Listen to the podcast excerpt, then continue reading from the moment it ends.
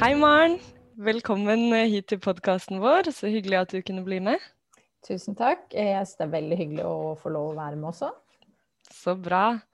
Du, du har jo nettopp blitt uh, valgt som førstekandidat for Rødt til stortingsvalget for Vestfold. Gratulerer med det. Tusen takk. Er det, føles det Hvordan føles det? Eh, det føles eh, faktisk veldig bra, og litt overraskende så føles det litt bedre nå enn Jeg har jo vært stortingskandidat eh, før, og jeg har toppa lister tidligere også, men da har det vært litt annerledes å være listetopp i Rødt. Jeg husker en gang hvor jeg på en måte sa OK, da jeg kan ta det, hvis ikke noen andre føler at de har kapasitet og lyst. Mens nå var det liksom at jeg kjente at nå har jeg søren meg skikkelig lyst på den plassen, fordi nå kan jeg jo faktisk komme inn på Stortinget og, og gjøre en ordentlig forskjell eh, med den eh, plassen. Så det er veldig hyggelig, og enda litt hyggeligere enn det pleide å være å få lov å, å få den tilliten. Så bra. Ja, vi har jo sett eh, at det har kommet noen ganske gode målinger for Vestfold nå i det siste. Så den reelle sjansen er jo der.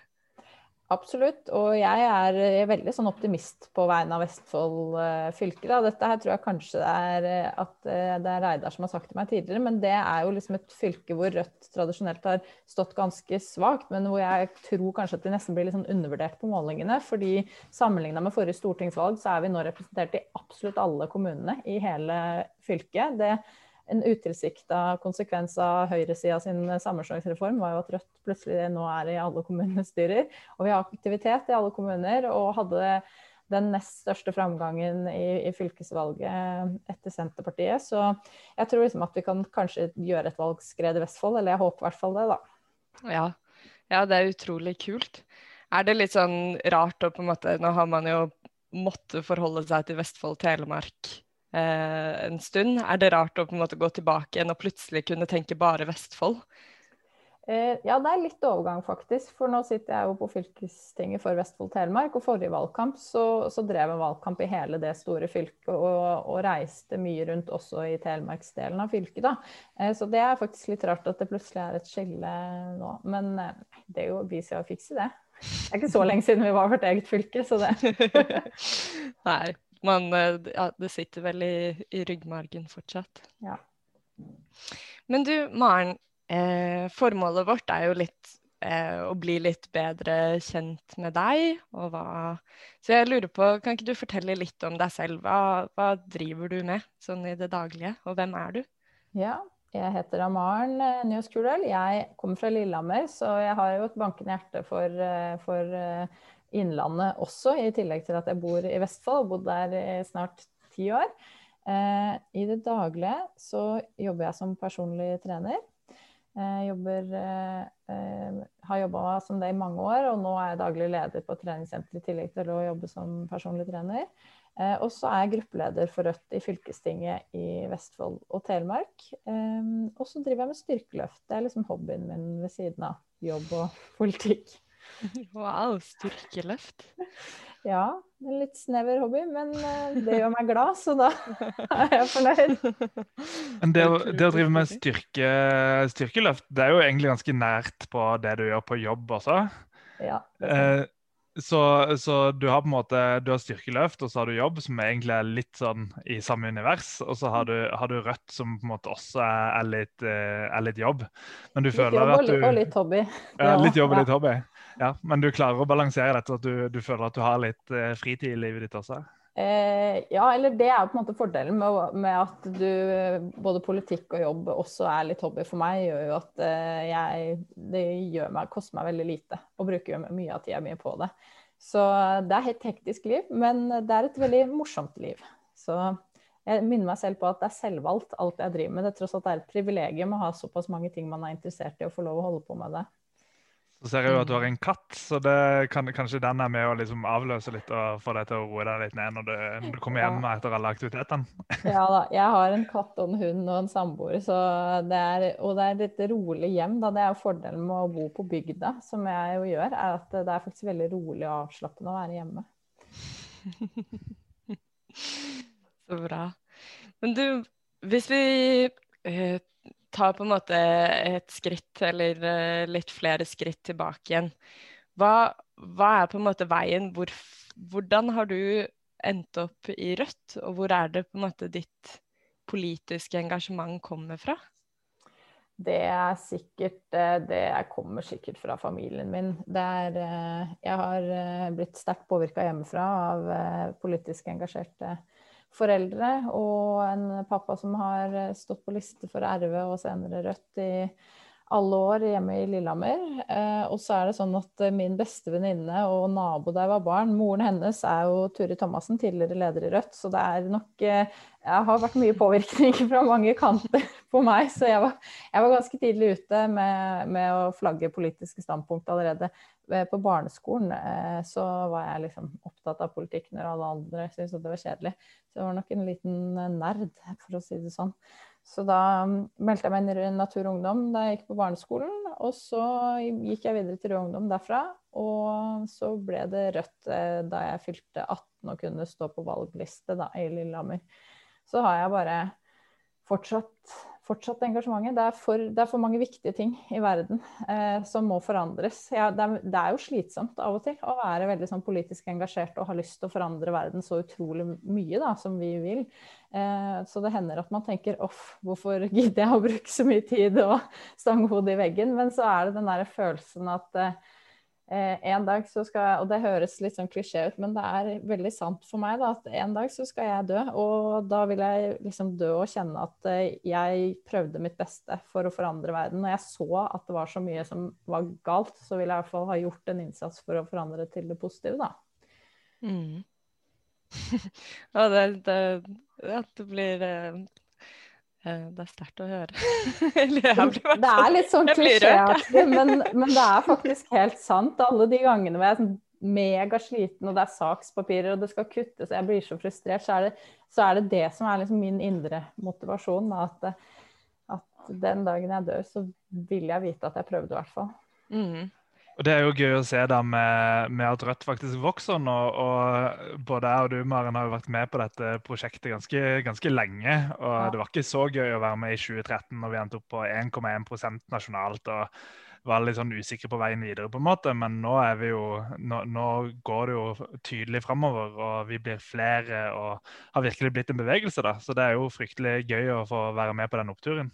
Ja, det er faktisk helt fantastisk. Du tenkte at du var en av veldig, veldig få som drømte om et bedre samfunn. Eh, og så ser du nå at det blir bare flere og flere og flere. Og ikke minst, jeg blir ekstremt, med tanke på klima- og miljøutfordringene, ekstremt inspirert av alle ungdommene som er, har klimastreika og altså virkelig det gjør, at jeg får gåsehud, da, for å si det sånn.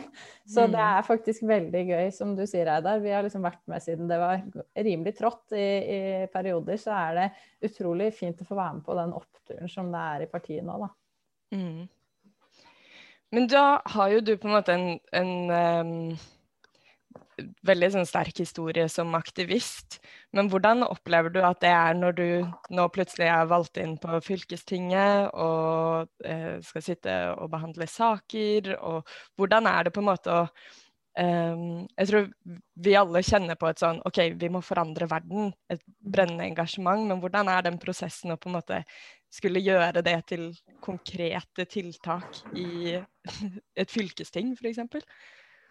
Eh, noen ganger så, så, er det lett at man ser at liksom noen enkeltvedtak kan være med på å skape stor forandring, og man kanskje kan løfte krav fra eh, bevegelser som fagbevegelsen eller miljøbevegelsen inn i det parlamentariske.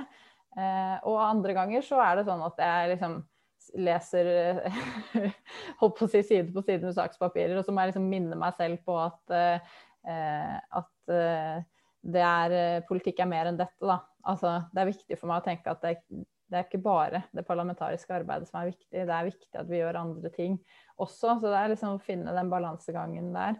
Um, men så er det det noen ganger så liksom, Som Rødt lite parti så er vi jo ikke bortskjemt med å få gigantisk gjennomslag, men noen ganger så får du noen gjennomslag som får ringvirkninger som du ikke trodde skulle skje, da. Og da gjør det det innmari verdt det allikevel. Og da viser det på en måte at politikken også i fylkesting og kommunestyrer har noe å si. Og så er jo jeg en av de som mener at politikk er mye mer enn bare det som skjer innafor eh, kommunestyresalen eller fylkestingsalen. Eh, og tenker at det er viktig at vi også jobber med de tingene utenfor, da. Mm. Ja, absolutt. Og det handler jo om å også vise frem og kunne sette et eksempel, selv om man ikke får gjennomslag. Men det å vise at man har et alternativ, og få folk til å se det og forstå det også. Mm. Helt klart. Men du snakka litt om, eh, om, gjennomslag hvor man eh, ser uforutsette ringvirkninger. Eh, har du noen eksempler på det? som Jeg ble litt nysgjerrig. Jeg har et veldig veldig, veldig godt eksempel, faktisk. Det er eh, fra, for ganske mange år tilbake, da jeg var vara i, i kommunestyret i Lillehammer. Men dette er et eksempel på, på, hvordan man jobber med en knøtteliten sak, og så får det helt konsekvenser man ikke aner. Så en av de tingene som jeg har vært mye opptatt av, er miljø og dyrevern. Og vi foreslo i Lillehammer kommunestyre sammen med Miljøpartiet for mange mange år siden at kommunen ikke skulle leie ut kommunal grunn til sirkus som brukte eksotiske dyr. Vi fikk ikke engang gjennomslag for det forslaget i Lillehammer, men veldig mange andre kommunestyrerepresentanter rundt om i Norge plukka opp ideen. Så begynte man å stille dette forslaget i så mange kommuner og fikk gjennomslag at til slutt så var det nesten umulig for en del sirkus å ha på en måte norgesturneer. Og så to år senere så kom liksom de store sirkusene ut, og så sa de Nei, nå slutter vi med elefanter og kameler og sånn i sirkusene. Og så ble de konfrontert om det hadde noe med å gjøre at de aldri fikk kommunal leie, eh, leie kommunal grunn lenger. Så sa de nei, nei, det var at at elefanten vår skulle pensjoneres, og liksom kom de med litt sånne andre forklaringer. Men det er jo helt klart at, at det handla om det vedtaket. Og nå er det jo ikke eh, elefanter og eksotiske dyr lenger i noe sirkus i Norge. Og det er litt sånn eh, en sånn liten ball som begynte så vidt å rulle i, i Lillehammer kommunestyre, da, og som rulla et sted som ikke jeg ante at skulle skje. Eh, og det, sånne, sånne, ting gjør det liksom veldig verdt det. Da. For da tenker du at ok, men selv de minste ting kan få noen ringvirkninger man ikke forutser. da.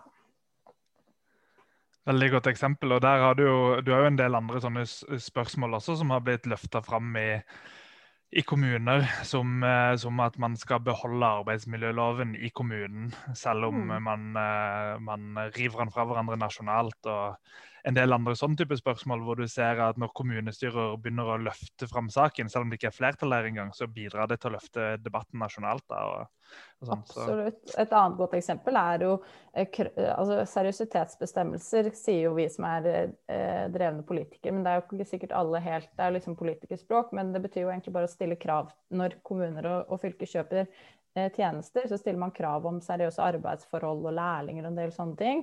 Og det begynte jo i Telemark som et enkeltvedtak i én kommune i Skien.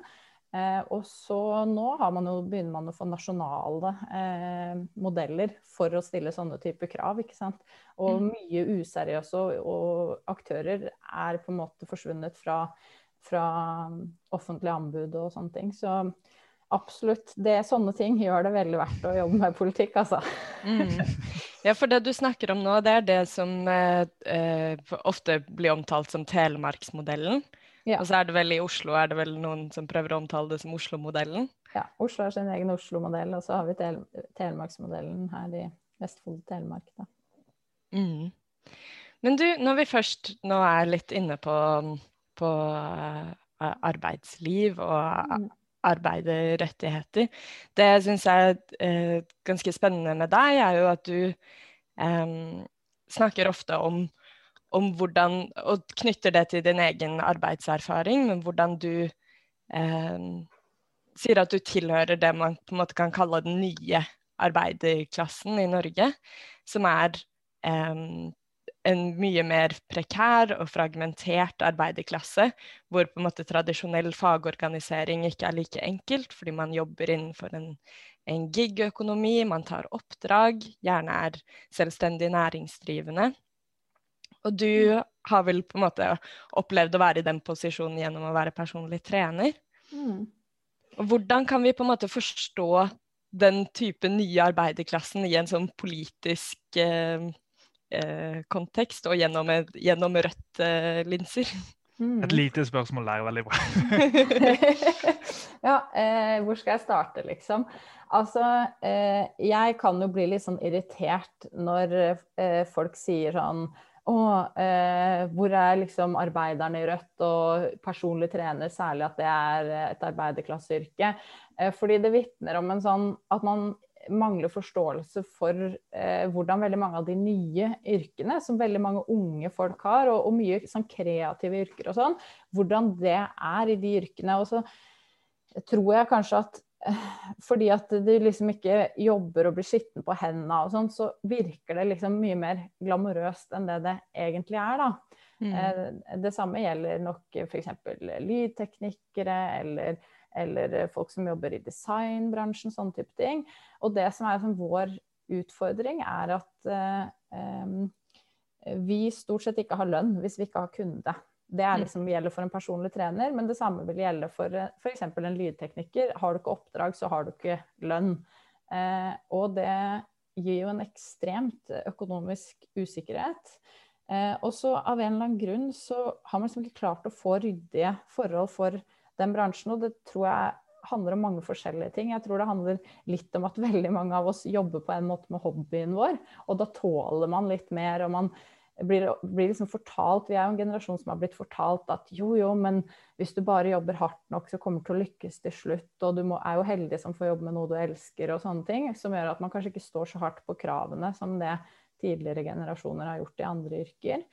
Eh, så tror jeg det handler litt om at fagforeningene ikke helt har klart å ta tak i vår type arbeidsgruppe. Og det, det, dette er liksom helt reelt når jeg snakker med Jeg er jo fagorganisert og har god kontakt med mange i mitt forbund, men dette er sånn helt reelt. Når jeg snakker med de, så sier de ja, det stemmer. Eh, vår tariffavtale er ikke godt tilpassa din yrkesgruppe i det hele tatt. Ja, vi sliter med å rekruttere i, i gruppa. Det er mye unge folk, det er høyt gjennomtrekk. Vi, eh, har ikke ta gode tariffavtaler å tilby. Det er en stor utfordring. Og så tror jeg at deler av liksom arbeidsmiljøloven også eh, treffer litt dårlig eh, mm. for for oss. Så det som f.eks. når jeg snakker med mine kollegaer, da, som kan bli kjempefrustrerte over den økonomiske usikkerheten der, og det er helt reelt at en nyansatt personlig trener kan risikere å jobbe nesten tolvtimersdager og kanskje tjene 5000 kroner sin første måned. Eh, når de er frustrert over det, så, så, er det liksom ikke så veldig mye å tilby de. Sånn, hvis jeg sier ja, du kan bli fagorganisert, og så sier de ja, hva får jeg ut av det? Så kan man liksom Det er ganske dyr medlemskontingent, og så er ikke tariffavtalen tilpassa. Og så går vi i arbeidsmiljøloven, så er det ingenting som på en måte beskytter oss helt der. Og det er en kjempeutfordring, og jeg, synes, jeg mener at si, Det trenger ikke å nødvendigvis være meg akkurat, men sånne folk som meg, som, som har levd i det eh, arbeidslivet, de trengs i politikken. Og det er ganske få av det i politikken. Jeg blir sånn irritert hvis arbeidere bare skal være folk som jobber i industri eller helse- og omsorgsarbeidere. fordi at den type arbeidserfaring som eh, folk som meg har fra sånne yrker, det er ekstremt viktig for å utforme politikken for å gi trygghet for nye generasjoner. For det er så mye unge folk i de her yrkene. Og hvis ikke vi klarer å vise de at det finnes et fellesskap som kan ta vare på sånne folk, så ja, da ender de jo opp med å eh, kanskje bli uføre eller havne på siden av arbeidslivet, eller i hvert fall ikke stemme på et parti som, som Rødt, hvis vi ikke klarer å gi dem på en måte en løsning de kan tro på. da. Mm. Eh, for dette er jo en generasjon som er som sagt vokst opp med ekstremt individfokus. Jeg mener som vi må utforme ja. politikk som gjør at de også får tro på at det å være en del av et fellesskap eh, gir dem både den beste tryggheten og friheten i livet sitt. da. Mm. Ja, det var langt svar. ja, men jeg tror det er kjempeviktig det du sier. Og som, altså som ung selv og med mange venner som befinner seg i lignende situasjoner, så, så peker du jo på, på, et problem som også er, veld, som er strukturelt, men som så lett oppleves helt individuelt. Mm. Fordi som oppdragstaker eller som en uh, frilanser, så ser man jo på en måte på andre som er innenfor sin egen bransje, og man mm. konkurrerer med dem. Og så er det veldig veldig vanskelig å, å, forstå hvordan Fordi man tilhører jo et interessefellesskap, mm. men hvordan man skal klare å organisere seg som kommer hele det På en måte som gagner hele det interessefellesskapet, da. Mm. Så det jeg lurer på, er litt sånn hvordan kan vi på en måte tenke løsninger her? Er det en må, man, må vi se til fagforbundene? Er det de som må på en måte utvikle nye modeller? For tradisjonelt så har jo folk vært fagorganisert. Altså fagorganiserte har jobba på eh, vært arbeidstakere på, under samme sjef, under samme selskap, på samme gulv, man ser hverandre, man har muligheten til å snakke sammen eh, og utforme politikk. Men i denne, liksom, dette prekariatet, da, så står man jo mye mer alene. Mm.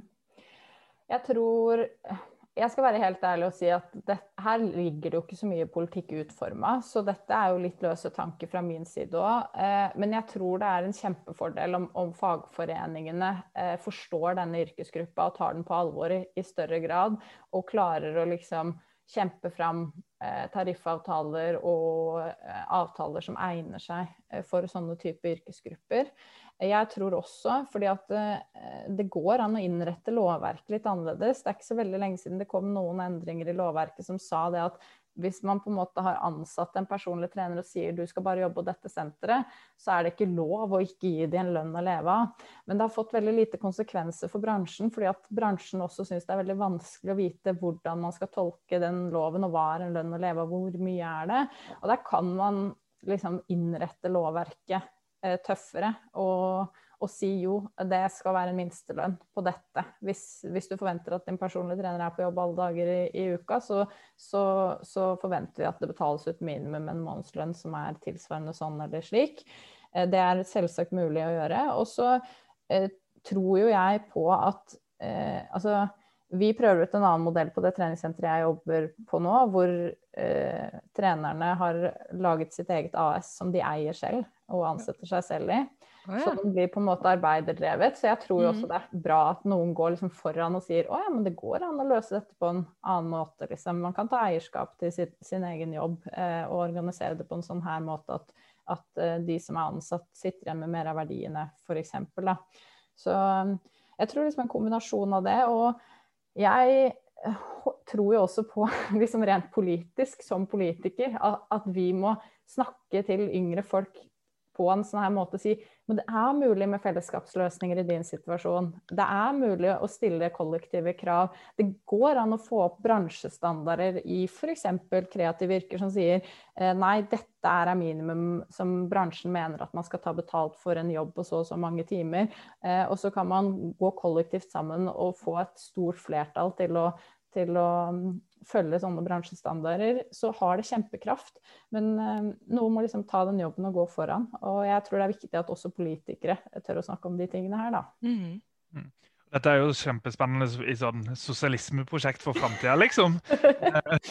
Men virkelig, da, å, å vise fram noen sånne eksempler hvor, eh, hvor man klarer å, å være medeier i, i, på, på, sin egen arbeidsplass. Og jeg mm. tror det er så mye å hente der, fordi hvis, hvis, du føler et eierskap til jobben din, så, så, er du også interessert i å gjøre en enda bedre jobb. Du har lyst til å jobbe der lenger. Det, det er så mange fordeler knytta til det. da. Så mm. vi trenger bare å vise fram. Altså, vi trenger å bygge sånne prosjekter og vise de fram.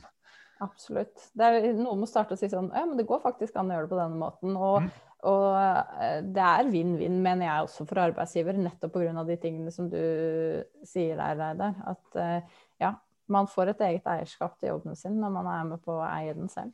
Mm. Mm. Men for å gå litt over, altså Nå snakker vi jo om, om ting som er knytta til, til, jobben din og det, det, du holder på med. Og så er vi jo i denne koronakrisa nå, som nok en gang så har eh, tiltakene blitt stramma inn. Og, og, jeg så at du hadde en, en eh, skikkelig rant på, på, Facebook eh, dagen før dette intervjuet. da. Så jeg lurer på om du kan fortelle litt om, om den, egentlig. Ja, jeg var veldig sint i går, det må jeg innrømme. Jeg jobber jo i Asker, og vi fikk pålegg om å stenge ned treningssentrene i går. Og en av hovedgrunnene altså Oslo har jo stengt sine treningssenter. Eh, og en av hovedgrunnene til at man så at man måtte stenge i Asker og Bærum òg, var fordi masse folk fra Oslo reiste over grensa eh, for å trene, og det ble lange køer da. Og da kjente jeg at det var litt Da var jeg litt sint i går. men men i det litt sånn større bildet da, så handler det om for meg eh, at hvis man ivaretar fellesskapet skikkelig bra, så er det det som gir mest frihet til folk. Og så har vi liksom blitt eh, lært opp til at det er individets frihet til å tenke på seg selv som er liksom den ekte friheten. Og noen ganger føler jeg altså friheten til å bare handle og shoppe det man vil. Det er liksom, liksom kapitalismens frihet. da. Mens i, under koronaen, og det som jeg var veldig irritert over, er at der har man litt for mange ganger, syns jeg, satt liksom individets frihet til å gjøre noen små ting foran fellesskapets behov for å holde smitten nede. Og konsekvensen i andre enden da er jo at man må stramme inn ytterligere, som reduserer folks frihet mye, mye mer enn, enn i utgangspunktet. Da. Og da mener jeg f.eks. Liksom, eh, det gjelder både på politisk nivå, da. F.eks. Eh, frihet Altså at man ikke har hatt karanteneplikt for en innreise fra en del eh, røde land. Eh, Bl.a. Eh, har fremmedarbeidere sluppet karantene. Og da har jeg tenkt sånn ja ja, er friheten til noen få bedriftseiere å skulle liksom hente inn rimelig arbeidskraft, eh, er den så viktig at f.eks. man må stenge ned nå, da, og så mister kollegaene mine friheten til å ha en jobb å gå til, og de mister friheten ved å ha en full inntekt, for de får dagpenger, og så mister videregående elever friheten til å gå på skole. Og det er liksom det. Det var på en måte det store poenget i den eh, veldig korte sinnet som jeg hadde i går. Da, at, at eh, hadde vi klart sett, sett, Klarer man å sette fellesskapet veldig høyt, så er det egentlig det som gir mest frihet til folk i det lange løp, da. Mm. Ja, et utrolig et utrolig godt poeng. Jeg syns det, det, er veldig spennende akkurat det du påpeker, den uh, ideen om frihet. Nå har vi jo i det siste eh, snakka veldig mye og hatt liksom Det har vært mye fokus på det amerikanske valget. Og det du sa der om at hva, hva er egentlig frihet? Det er den friheten til å kunne shoppe hva du vil. Det er en sånn en falsk idé om frihet. Da. Jeg tenker at eh, en av våre største oppgaver eh, som, som, parti og som folkebevegelse er nettopp å vise det du sier, at fellesskapsløsninger gir jo faktisk reell frihet. Mm. Og jeg føler at høyresida har fått litt sånn De har tatt veldig eierskap til det frihetsbegrepet. Eh, og det, jeg synes det, er, eh, det syns jeg vi skal ta tilbake, fordi at eh, den reelle Altså det er mer frihet at, eh, at, eh, mine kollegaer får jobbe i Asker, enn at noen få individer eh, skal ha friheten til å reise over grensa og, og ikke bry seg om, om smitteverntiltak. Nå mener ikke jeg at man skal liksom påtvinge folk å følge tiltakene, det er ikke det jeg mener. Men, men hvis flere hadde liksom tatt hensyn til fellesskapet i stedet for seg selv, så hadde det blitt mer frihet til alle. Mm. Det handler om politisk ledelse, og det er mm. utrolig frustrerende å se. Altså, nå, nå, var jeg, nå, var alle med og tok et skippertak i vår, eh, og vi var nesten kvitt korona i Norge. Og så slapp du løs noe sånn dette med Spania-reisene og dette med, med, med fremmedarbeidere eh, som, som, var totalt unødvendig. Mm. Eh, fullstendig unødvendig. Og det at Altså, jeg, jeg, var så irritert der når, eh, når, det kom sånne oppslag sånn Rekker eh, de som kommer fra Spania å komme hjem tidsnok så de slipper karantene? Mm. Herregud, alle burde selvfølgelig vært i karantene når de har vært i, i Spania i sommerferien. Mm. Men uh, det var det ikke noe Altså, de politikerne som har satt i verk så mye forskjellige tiltak, det gjorde de ikke. Og det, mm. det, har bidratt til å gjøre at vi er der vi er nå. Da. Det er mm. utrolig mm. frustrerende. Og jeg syns liksom det er et paradoks at det var så vanskelig for de å, å, gjøre noe så enkelt som å be om karantene. Da. Det er jo bare å be folk om å liksom være hjemme litt ekstra i, i ti dager. Men det koster de veldig lite å, å, gjøre folk arbeidsledige, som er det de gjør nå med veldig mange av sine nedstengninger. da. Og jeg kjenner liksom at jeg blir nok sikkert også ekstra frustrert, for at det har ramma meg og veldig mange som jeg er glad i personlig òg. Eh, så kjenner jeg mye på det. mm. Ja, for det er det jeg fort tenker på, er at eh, det blir veldig mye fokus på hjemmekontor, og man får beskjed om at ja, ja, men det er jo bare å ha hjemmekontor. Mm. Men det er jo veldig mange folk som eh, jobber i yrker hvor man ikke kan ha hjemmekontor. Altså som personlig trener, f.eks. Hvordan har du hjemmekontor nå? Jeg er dårlig med, dårlig med det, altså. Eh, det er jo Altså vi var jo Jeg var permittert eh, helt eller delvis i et halvt år eh, etter forrige nedstenging. Og det samme med altså bussjåførene i fylket her som jeg har veldig god kontakt med. Altså de kan ikke ha noe hjemmekontor. De er superbekymra for å bli smitta når masse folk går forbi det hele tiden. Og det er, det er noe med det òg, ikke sant. At jeg føler at politikerne og regjeringa, da, de, de, tar hensyn til næringslivet, og så tar de liksom hensyn til Altså det er jo en klasseforskjell, hvis man kan si det, på hvem som eh, lett kommer seg gjennom denne her krisa med sitt store hus hvor det er plass, god plass til hjemmekontor, og med en jobb hvor det er fleksitid, og eh, som har bil, så det er ikke noe problem for de å kjøre bil i stedet for å ta kollektivt. Og så er det de som har en jobb hvor det er de må på jobb. Eh, de utsetter seg kanskje for risiko når de drar på jobb for at eh, samfunnet skal holde hjula i gang for oss andre. Eh, de har kanskje en liten leilighet. Det er ikke bare bare å sitte i senga på hjemmekontor liksom, fordi man ikke har noe kontorpult eller gjesterom. Altså, ja, så det, denne krisa synliggjør noen store forskjeller i samfunnet vårt. Altså. Den gjør det. Mm. Du, Maren, nå er det jo eh, omtrent ja, det er under ett år til, eh, til, stortingsvalget. Og vi er mange som skal drive valgkamp i mellomtiden. Um, men hva tenker du er på en måte de store og viktigste sakene frem mot uh, neste stortingsvalg? Eh, ja, det er et godt spørsmål, for hva er ikke en stor og viktig sak? er jo nesten. Men hvis vi skal plukke fram noen ting eh, jeg eh, mener jo at det som har vært Rødts hovedsak veldig lenge, altså kampen mot Forskjells-Norge, eh, eller egentlig som jeg ofte kaller det, kampen for at alle mennesker skal få leve gode og verdige liv, eh, er jo nesten det det handler om det er ekstremt viktig, og det kommer til å bli enda viktigere framover. Nettopp pga. koronakrisa, som har gjort at de som kanskje allerede var mest utsatt i arbeidslivet, har mista jobben. Eh, de som har hatt lav inntekt med dagpenger, er de som ikke får så mye feriepenger neste år. Altså alle disse tingene som forsterker de økonomiske forskjellene, det må vi eh, kjempe for å snu.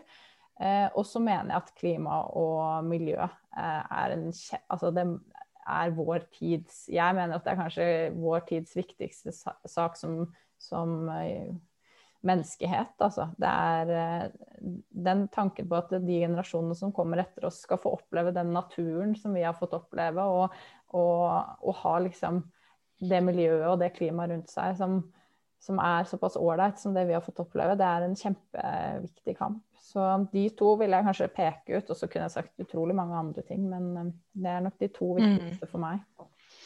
Noe, noe som jeg er litt nysgjerrig på, da. Jeg syns det er veldig fint at du trekker frem eh, klimakrisa. Fordi nå lever vi jo på en måte plutselig opp i en annen krise som virker veldig sånn tilstedeværende og akutt, en helsekrise.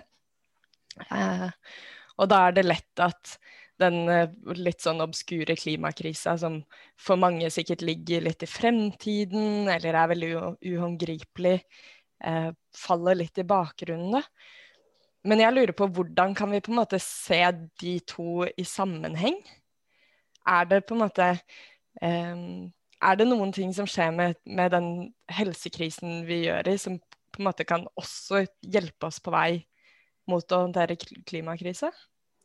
Jeg håper jo virkelig det. Jeg, altså, noen ting som eh, Hvis man kan eh, si at det kommer noe bra ut av en pandemi, da, det er jo eh, Det gjør det jo på en måte ikke. Men noen viktige lærdommer da, som har i hvert fall blitt veldig tydelige for meg av denne koronakrisen, det er jo for det første sammenhengen mellom det kapitalistiske systemet vi lever i, og klima- og miljøkrisen.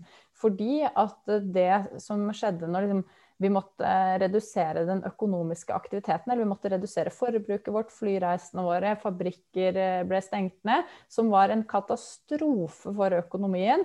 Det viste seg å være veldig bra for miljøet. Eh, utslipp gikk ned, og vann ble renere. Og det synliggjorde den sammenhengen mellom at vi lever i et økonomisk system som krever at vi hele tiden bruker mer og mer og mer penger, eh, og at det går veldig utover en jordklode som ikke tåler at vi hele tiden eh, forsøpler mer og mer og forurenser mer og mer og bruker mer og mer av klodens ressurser.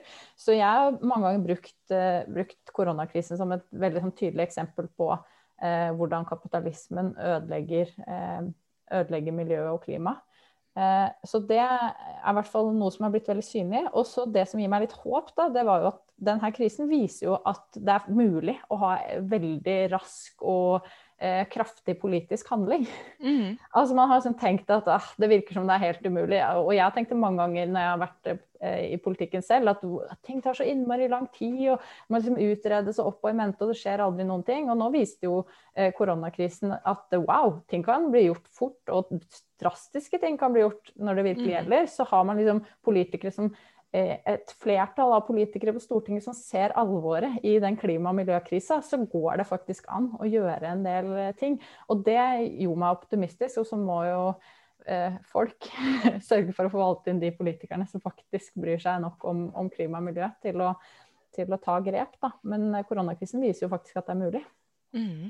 Men hvis du, eh, du, da klarer det å, være, å, å, få folk til å velge inn en av de som trengs, altså du, eh, inn på Stortinget Hvis ikke det var tydelig nok. Ja. Eh, så, så, kommer den nye arbeidsplassen din til å være midt i sentrum i Oslo. På, ut, innenfor Eidsvoll plass.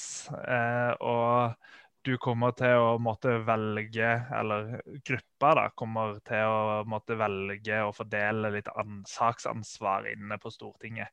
Mm. At man, eh, de ulike representantene til Rødt kommer til å sitte i litt ulike komiteer og sånn. Har du tenkt, begynt å drømme om hvilken uh, fantastiske komité du kunne tenke deg å sitte i?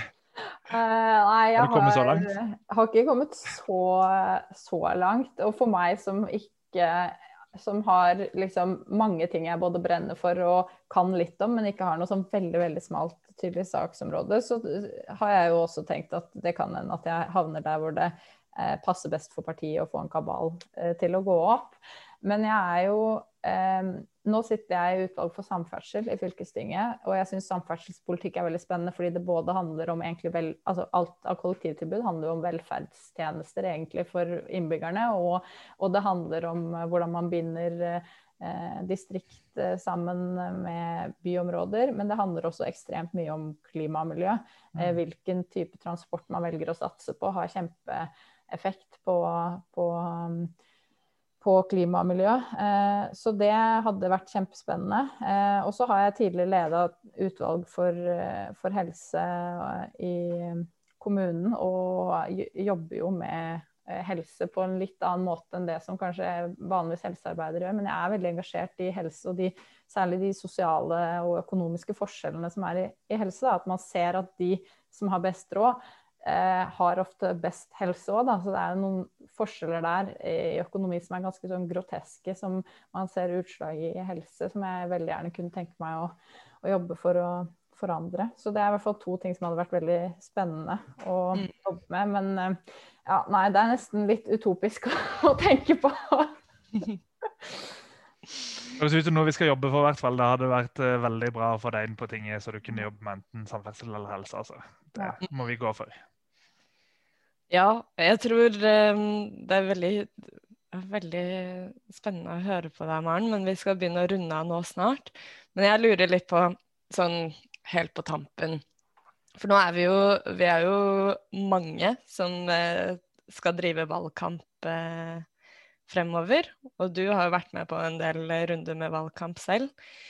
Um, og akkurat nå er vi jo på en måte i en spesiell situasjon hvor man kanskje ikke kan gå ut og å møte så mange folk, da. Mm. Men har du, noen, har du, noen, tips til alle oss som eh, så smått allerede nå skal begynne på denne valgkampsrunden? Ja, jeg elsker jo å drive valgkamp. Jeg er jo en av de som syns det er skikkelig skikkelig gøy. Kanskje i likhet med deg, Reidar. eh, og det beste jeg syns med, med, å drive valgkamp, det er faktisk at det er mye lettere å komme i kontakt med folk. Fordi folk er litt ekstra interessert i eh, politikk og hører på hva som er de ulike partienes politiske løsninger. Eh, så det er liksom en sånn fin ting å ha i bakhodet, eh, tenker jeg, da, når man skal gå eh, og drive valgkamp, er at nå er folk de trenger å bestemme seg for å stemme. De er interessert i å vite hva som er våre løsninger, og vi har en oppgave med å faktisk formidle de løsningene ut til folk. da. Og så er kanskje sånn mine beste tips det er at hver enkelt skjønner hvor mye det har å si at han eller hun eller hen faktisk bidrar. Jeg tror mange liksom undervurderer seg selv litt og tenker nei, men jeg jeg kan jo bare kanskje dele ut noen løpesedler, eller nei, jeg får ikke gjort så mye, har det noe å si at jeg deler et innlegg på min Facebook, eller har det noe å si at jeg ringer mine venner? Det er jo nettopp det. altså Dere har jo snakka masse om det i denne podkasten, og det er så bra. fordi det er jo nettopp det at hvis alle forstår hvor viktige vi er hver og en av oss. Det er jo da magien skjer. Det hjelper ikke at jeg er en superwoman i, i valgkampen. Det som hjelper, er at alle Rødts 10 000 medlemmer faktisk gjør en liten innsats og skjønner liksom hvilken kjempebølge det kan skape. Da. Så det, det håper jeg at, at, folk skjønner. Og det gjør det på den måten som gjør at det funker for deg, er jo det viktige. En mm. valgkamp må ikke være å stå på stein. Det kan også være å skrive en bra Facebook-status om noe du bryr deg om, eller få ned noen linjer om en sak du er engasjert i, og send det til lokalavisa som et lesebrev, eller ring folk som du tror kanskje er interessert i Stemme Rødt, og ta en prat med dem om politikk. Det, det, er så utrolig mye forskjellig som er valgkamp, da. Mm. Veldig gode tips. Og det siste du nevnte der, altså det, selv om det er stortingsvalg, så er jo fremdeles lokalpolitikken utrolig viktig. Nettopp det å ta tak i de sakene som brenner der hvor man er. Mm. Absolutt. OK. Maren, jeg tror vi skal Eller hvis ikke Reidar, det, brenner du inne med noen, eh, noen spørsmål her? Nei, jeg syns Maren har svart for uh, fortreffelig på alt vi lurte på. Jeg skal være ærlig. Så dette var, dette var gode greier.